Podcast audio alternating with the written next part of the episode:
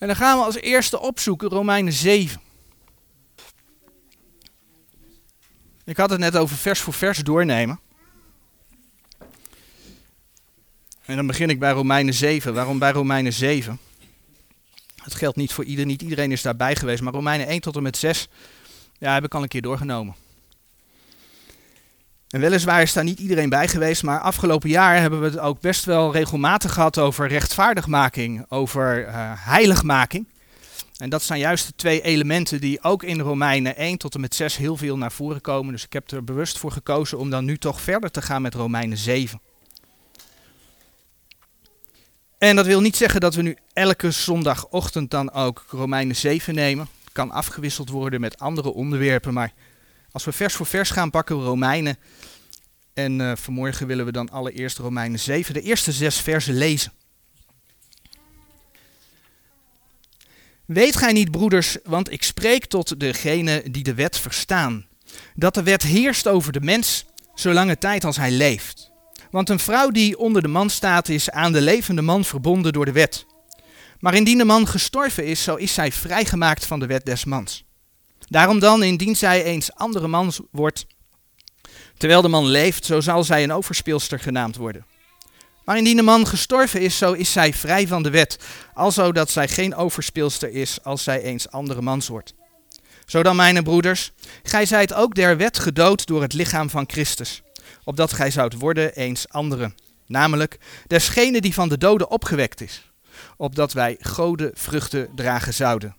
Want toen wij in het vlees waren, wrochten, dat betekent werkten, de bewegingen der zonde die door de wet zijn in onze leden, om de dood vruchten te dragen. Maar nu zijn wij vrijgemaakt van de wet, overmits wij dien gestorven zijn, onder welke wij gehouden waren. Alzo dat wij dienen in nieuwigheid des geestes en niet in oudheid der letter. Laten we kort uh, bidden. Dank u wel, Vader in de hemel, dat we zo bij elkaar mogen zijn. En uh, dat we ook vanmorgen, ondanks uh, ja, alle hinderingen vanmorgen, dat we toch uw woord mogen openen en dat we met uw woord mogen bezig zijn. Heer, wilt u bij ons zijn daarin? Um, wilt u mij ook helpen, Heere God, om bij uw woord te blijven? En uh, dat het ja, om uw woord mag gaan, Heer. Dank u wel daarvoor. Wilt u ook met degenen zijn die er vanmorgen niet kunnen zijn? Wilt u met ze zijn? Wilt u ze nabij zijn? Dank u wel, Heer, om Jezus wil. Amen. Allereerst hebben we in Romeinen 7, vers 1 gelezen. Weet gij niet, broeders, want ik spreek tot degenen die de wet verstaan, dat de wet over de mens heerst over de mens zolange tijd als hij leeft. We horen nog wel eens, als we het Oude Testament citeren, ja, maar dat is de wet. Alsof de wet geen enkele zeggingskracht meer voor ons zou hebben. En ja, er zijn verschillen. Er zijn zelfs grote verschillen. Uh, tussen de wet en de gemeente. Hè. En een heel bekend voorbeeld, heb ik het ook wel vaker over gehad, is natuurlijk de Sabbat. De Sabbat wordt aangegeven in het Oude Testament als een teken tussen Israël en God. Worden ze ook heel specifiek als teken voor Israël gegeven. Terwijl er tegen de gemeente gezegd wordt dat de gemeente de Sabbat niet hoeft te houden. De speciale dagen zijn niet voor de gemeente, met name Colossense 2, vers 16 en 17. Maar in Handelingen 15 kun je dat ook vinden. En zo zijn er vele voorbeelden meer. Daarom moeten we het woord van God ook recht verdelen. 2 Timotheus 2, vers 15. Maar betekent dit dat de hele wet heeft afgedaan? Nee. Er wordt niet voor niets in Romeinen 1, vers 7 gezegd, want ik spreek tot degene die de wet verstaan. En tot wie wordt dat gesproken? Ik zou zeggen, hou de hand bij Romeinen 7, want daar keren we iedere keer terug. Maar als je in Romeinen 1, vers 7 kijkt, dan lees je dat die brief geschreven is aan alle die te Rome zijt, geliefde Gods en geroepen heiligen. Genade zij u en vrede van God onze Vader en de Heer Jezus Christus. Met andere woorden, het is een echte brief aan de gemeente. Het is gericht aan de geliefden Gods en geroepen heiligen. Maar dat betekent dus dat de gelovige in Jezus Christus ook de wet hoort te begrijpen. En laten we wel zijn. Is het niet de Heer die in zijn woord zegt, hè? Romeinen 7 vers 12, hetzelfde hoofdstuk. Alzo is dan de wet heilig en het gebod is heilig en rechtvaardig en goed. Dat lezen we gewoon in de brieven aan de gemeente. En als we naar Galaten bladeren, Galaten 3, vers 24, dan lezen we daar. Galaten 3, vers 24. Zo dan de wet is onze tuchtmeester geweest tot Christus, opdat wij uit het geloof zouden gerechtvaardigd worden. Tegen de gemeente wordt gezegd dat de wet onze tuchtmeester is geweest om bij Christus te komen. Door de wet, zegt Romeinen 3, vers 20, komt de kennis van de zonde. Door die kennis van de zonde weten we dat er niets goed in ons is. Romeinen 3, vers 10 tot en met 12. Er is niet één mens rechtvaardig. We zijn allemaal zondaren. Daardoor weten we dat we de Heer Jezus als een persoonlijke verlosser nodig hebben. Kijk maar in Romeinen 5, vers 8 tot en met 9. Maar God bevestigt zijn liefde jegens ons dat Christus voor ons gestorven is als wij nog zondaars waren. Veel meer dan, zijnde nu gerechtvaardigd door zijn bloed, zullen wij door hem behouden worden van de toren. We weten dat we dat nodig hebben omdat we zondaren zijn, omdat de wet kennis van zonde geeft. En daardoor zie je dus dat die wet onze tuchtmeester tot Christus is geweest. Nou, zo zijn er natuurlijk meer teksten aan te halen. We hebben het ook wel vaker over gehad. 1 Korinthe 10, vers 6 en 11.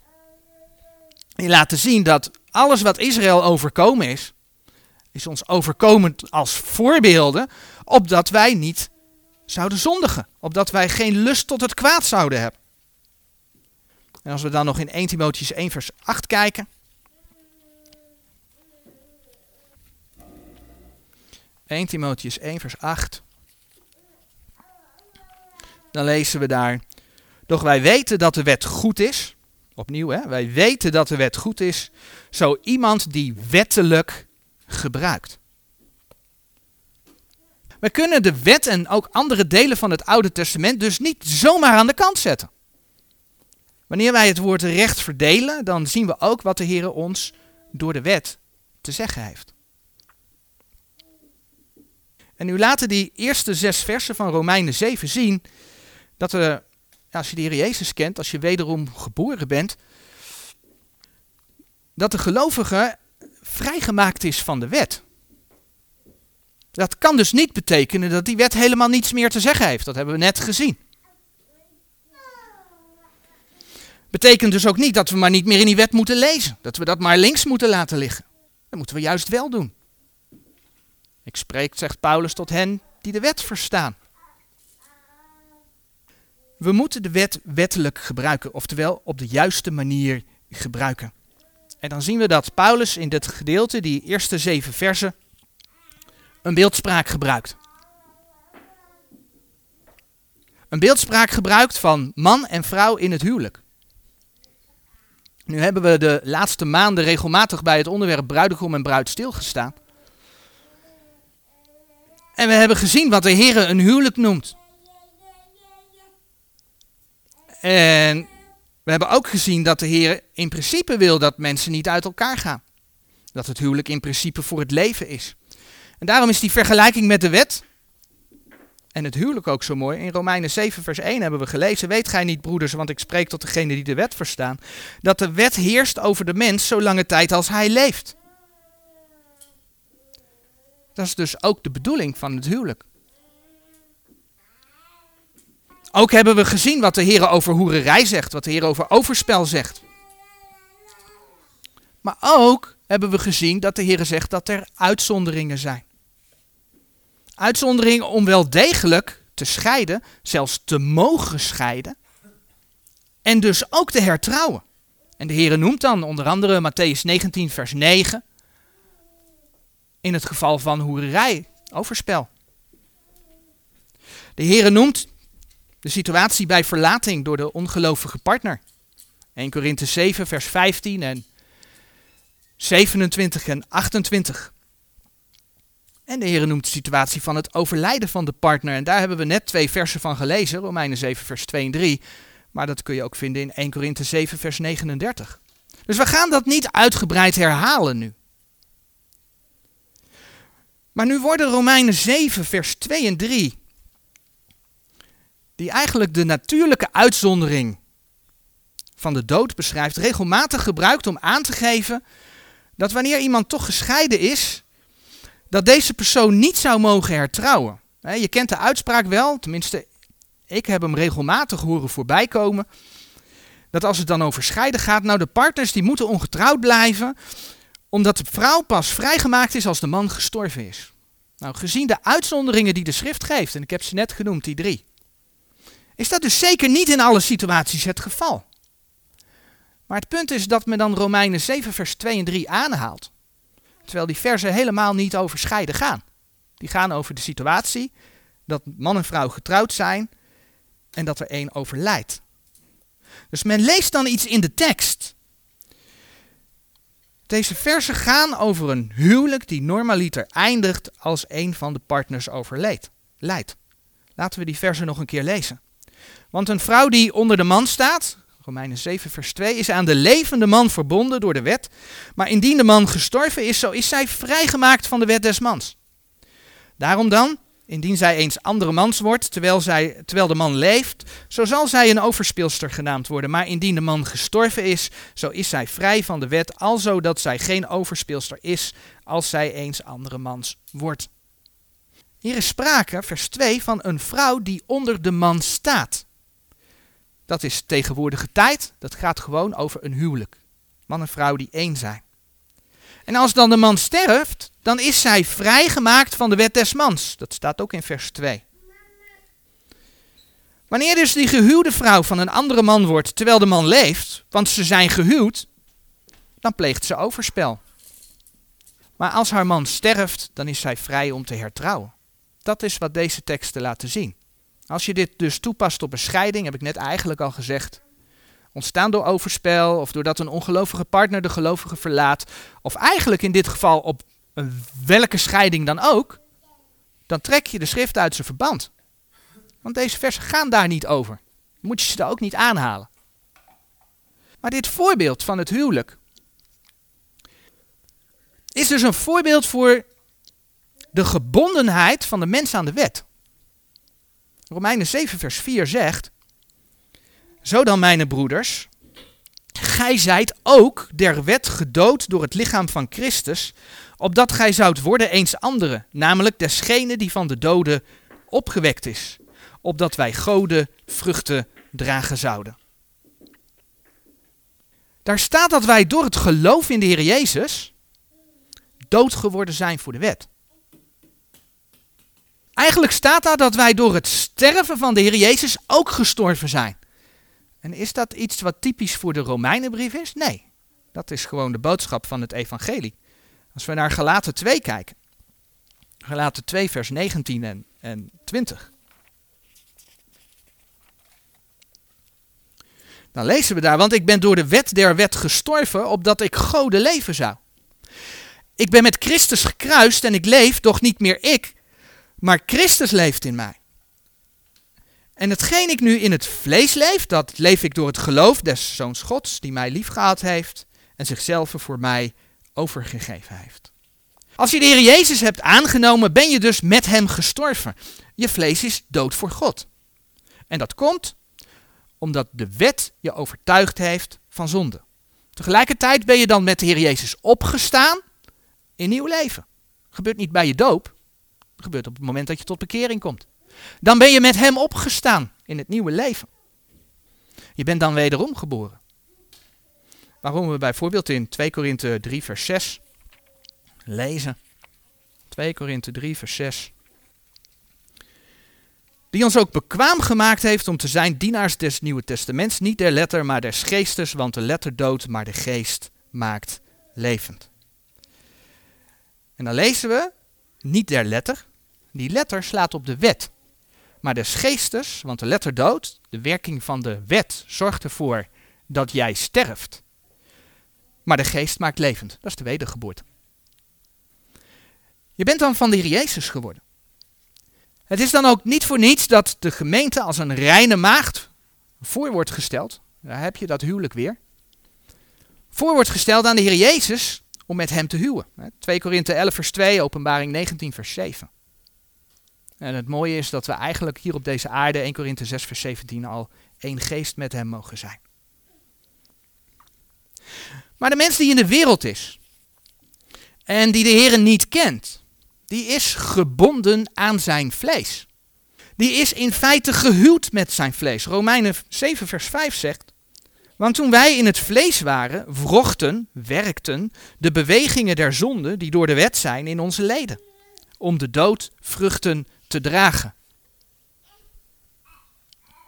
Je bent dus of in het vlees, dan ben je een natuurlijk mens, niet wederom geboren. Of je bent in de geest, dan ben je wederom geboren. Charismatici maken ervan dat je in de geest bent als je vervuld bent, dat er van alles gebeurt. Nee, als jij wederom geboren bent, ben je in de geest. Je bent niet altijd vervuld, maar je bent wel in de geest. En ja, ook een wederomgeborene kan naar het vlees leven. Dat klopt. Je kunt ervoor kiezen om de wereld weer in te gaan. Maar dat is wat anders. Een wederomgeboren is niet in het vlees, maar in de geest. Je bent of in Adam, de natuurlijke mens, of in Christus. Dan ben je wederom geboren. Dat zijn uitersten. Je bent of van de wereld, wat dus weer iets anders is dan in de wereld. Je bent of van de wereld, of je bent in zijn lichaam. Als je wederom geboren bent, ben je in zijn lichaam gedoopt. Dan ben je in de gemeente. Gemeente met hoofdletter. En de gelovige heeft in zijn levenswandel dus een keus. Leef ik volgens de nieuwe mens of leef ik volgens de oude mens? Ongelovige heeft die keus niet. Die leeft volgens zijn vlees. We zagen het al, Romeinen 3 vers 20. Door de wet is de kennis der zonde. Romeinen 6 vers 23. Het loon op de zonde is de dood. Met andere woorden, het vlees laat de mens zondigen. Romeinen 7 vers 17 en 18. Maar al die zondige acties leiden tot vruchten die tot de dood leiden. Ja, moord leidt logisch tot de dood. Maar ook andere zondige acties leiden tot pijn en verdriet. Denk aan roddel, denk aan dronkenschap, ontrouw, hoererij, overspel. En uiteindelijk, als je daarin blijft hangen, geen vergeving voor je zonde hebt, niet wederom geboren bent geworden, hè, we hebben het over de mens van nature, dan brengt dat de dood. Het loon op de zonde is de dood. We bladeren even naar Johannes 12, vers 48. En in Johannes 12, vers 48, daar lezen we. Die mij verwerpt en mijn woorden niet ontvangt, heeft die hem oordeelt. Het woord dat ik gesproken heb, dat zal hem oordelen ten laatste dagen. Dit impliceert dat de Heere de mensen weliswaar naar hun werken oordelen zal, maar dat hij dat doet op grond van zijn woord. Op grond van de Bijbel. En de wet is daar een onderdeel van. Dus als we in Openbaring 20, vers 12 lezen.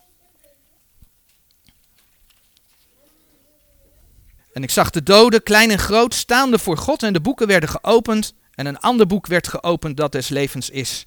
En de doden werden geoordeeld uit hetgeen in de boeken geschreven was, naar hun werken. En de boeken werden geopend. Als we dat lezen, dan zijn dat niet alleen de boeken waarin de werken opgetekend zijn. Dan is dat niet alleen het boek des levens. De Bijbel zal geopend worden. Het woord van God. En de mens die Jezus Christus niet als zijn verlosser kent, kan dan geen stand houden. Op grond van het woord van God, op grond van de wet, vindt deze mens zijn dood. Het loon op de zonde is de dood. En daarom is het zo belangrijk wat we gelezen hebben, om van die ander, en dan is die ander met hoofdletter te zijn. Om van de Heer Jezus te zijn. Daarom moest de Heer Jezus sterven en wij met hem. Alleen daarin is een wettelijke grond, in zijn dood en wij met hem gestorven. Alleen daarin is een wettelijke grond om van de Heer Jezus te worden en dan zijn wij vrijgemaakt van de wet. Romeinen 7 vers 6 zegt, maar nu zijn wij vrijgemaakt van de wet, overmits wij de dien gestorven zijn, onder welke wij gehouden worden, alzo dat wij dienen in nieuwigheid des geestes en niet in de oudheid der letter. En als we dan in Efeze kijken, Efeze 2, vers 14 tot en met 16, dan lezen we daar. Want hij is onze vrede, die deze beide één gemaakt heeft en de middelmuur des afscheidsels gebroken hebbende. Heeft hij de vijandschap in zijn vlees teniet gemaakt. Namelijk de wet. Nee, dat staat er niet. Namelijk de wet der geboden in inzettingen bestaande. opdat hij die twee in zichzelf tot één nieuwe mens zou scheppen, vredemakende. En opdat hij die beiden met God in één lichaam zou verzoenen door het kruis, de vijandschap aan hetzelfde gedood hebbende. Niet de hele wet is teniet gemaakt, maar de wet der geboden in inzettingen bestaande. Het grote verschil met de wet en de gemeente is dat wij, dat jij, dat u niet door de werken der wet gerechtvaardigd kunt worden. Romeinen 10, vers 4. Daar lezen we. Want het einde der wet is Christus. Tot rechtvaardigheid een iegelijk die gelooft. Want het einde der wet is Christus. Tot rechtvaardigheid een iegelijk die gelooft. We kunnen niet door de werken der wet rechtvaardig worden voor God. En daar ligt het in. Daar zit het hem in. Door het volbrachte werk van de Heer Jezus mogen wij, 2 Korinthe 5 vers 21, Gods rechtvaardigheid dragen.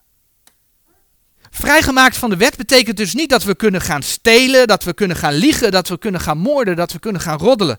Dat we kunnen gaan vechten, dat we hoererij kunnen plegen, overspel bedrijven of noem maar werken van het vlees op. En dan ook nog een soort van onschendbaarheid genieten. De Heer Jezus is voor mijn zonde gestorven. Absoluut niet. Ook de wederom geboren gelovige, en dan zoeken we even 2 Korinthe 5 vers 10 nog op, moet voor de rechterstoel van Christus komen. En wegdragen wat hij of zij met het lichaam gedaan heeft.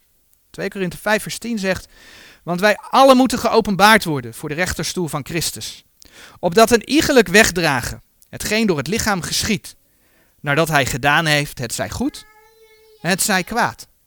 Maar de wederom geboren gelovige is wel vrij van de straf van de wet. Hij of zij heeft eeuwig leven in Christus. En mag dan ook nog eens voor goden vruchten dragen. Dat laten we in Romeinen 7, vers 4. Om zo dus loon en kroon voor de eeuwigheid te verdienen. En daarom lezen we als slot in Romeinen 6, het laatste stukje van dat vers. Alzo dat wij dienen in nieuwigheid des geestes en niet in de oudheid der letter. Dat betekent dus niet dat wij op grond van de oudheid der letter dus een vrijbrief hebben om ons niet aan Gods woord te houden. Of om Gods woord te gaan veranderen. Hè, want de letter dood, maar de geest maakt leven. Dus ik heb niet zoveel aan het woord. Dat heb ik mensen ook wel eens horen zeggen. We moeten naar de geest leven. Dat betekent dat niet. De oudheid der letter is opnieuw een verwijzing naar de wet. Wij hoeven niet meer door de inzettingen der wet onze rechtvaardigheid te verdienen. Dat is wat het zegt. Wij mogen door de wedergeboorte in nieuwheid des geestes juist wel vanuit dat woord van God, dat door zijn geest bewaard is, leven. Afgelopen jaar hebben wij uh, onder andere naar aanleiding van het thema Wat maakt mij een bijbelgelovige stilgestaan bij het thema geest, ziel en lichaam. Over de geestelijke besnijdenis gehad. Hoe de Heer door de wedergeboorte ons pakje vlees lossnijdt van onze ziel en dat vlees uittrekt. Dat staat letterlijk beschreven in Colossense 2 vers 10 tot en met 15. Dat ons vlees geen invloed meer heeft op onze ziel als wij wederom geboren zijn. De ziel van de wederomgeborene is behouden. Maar zien we dat hoe mooi dat past bij wat we net gelezen hebben in Romeinen 7, de eerste zes versen. Dat sluit gewoon naadloos op elkaar aan. Wij zijn dood voor ons, voor de wet. Wij zijn dood voor ons vlees. Ons vlees is met de Heer Jezus gestorven en daarom heeft de straf van de wet, het loon van de zonde, geen invloed meer op ons. Mocht je hier nou meer over willen lezen, nog na willen lezen, die studie van toen staat op de site. Onder Bijbelstudies, diverse artikelen, geest, ziel en lichaam. En dan zeg ik voor nu amen.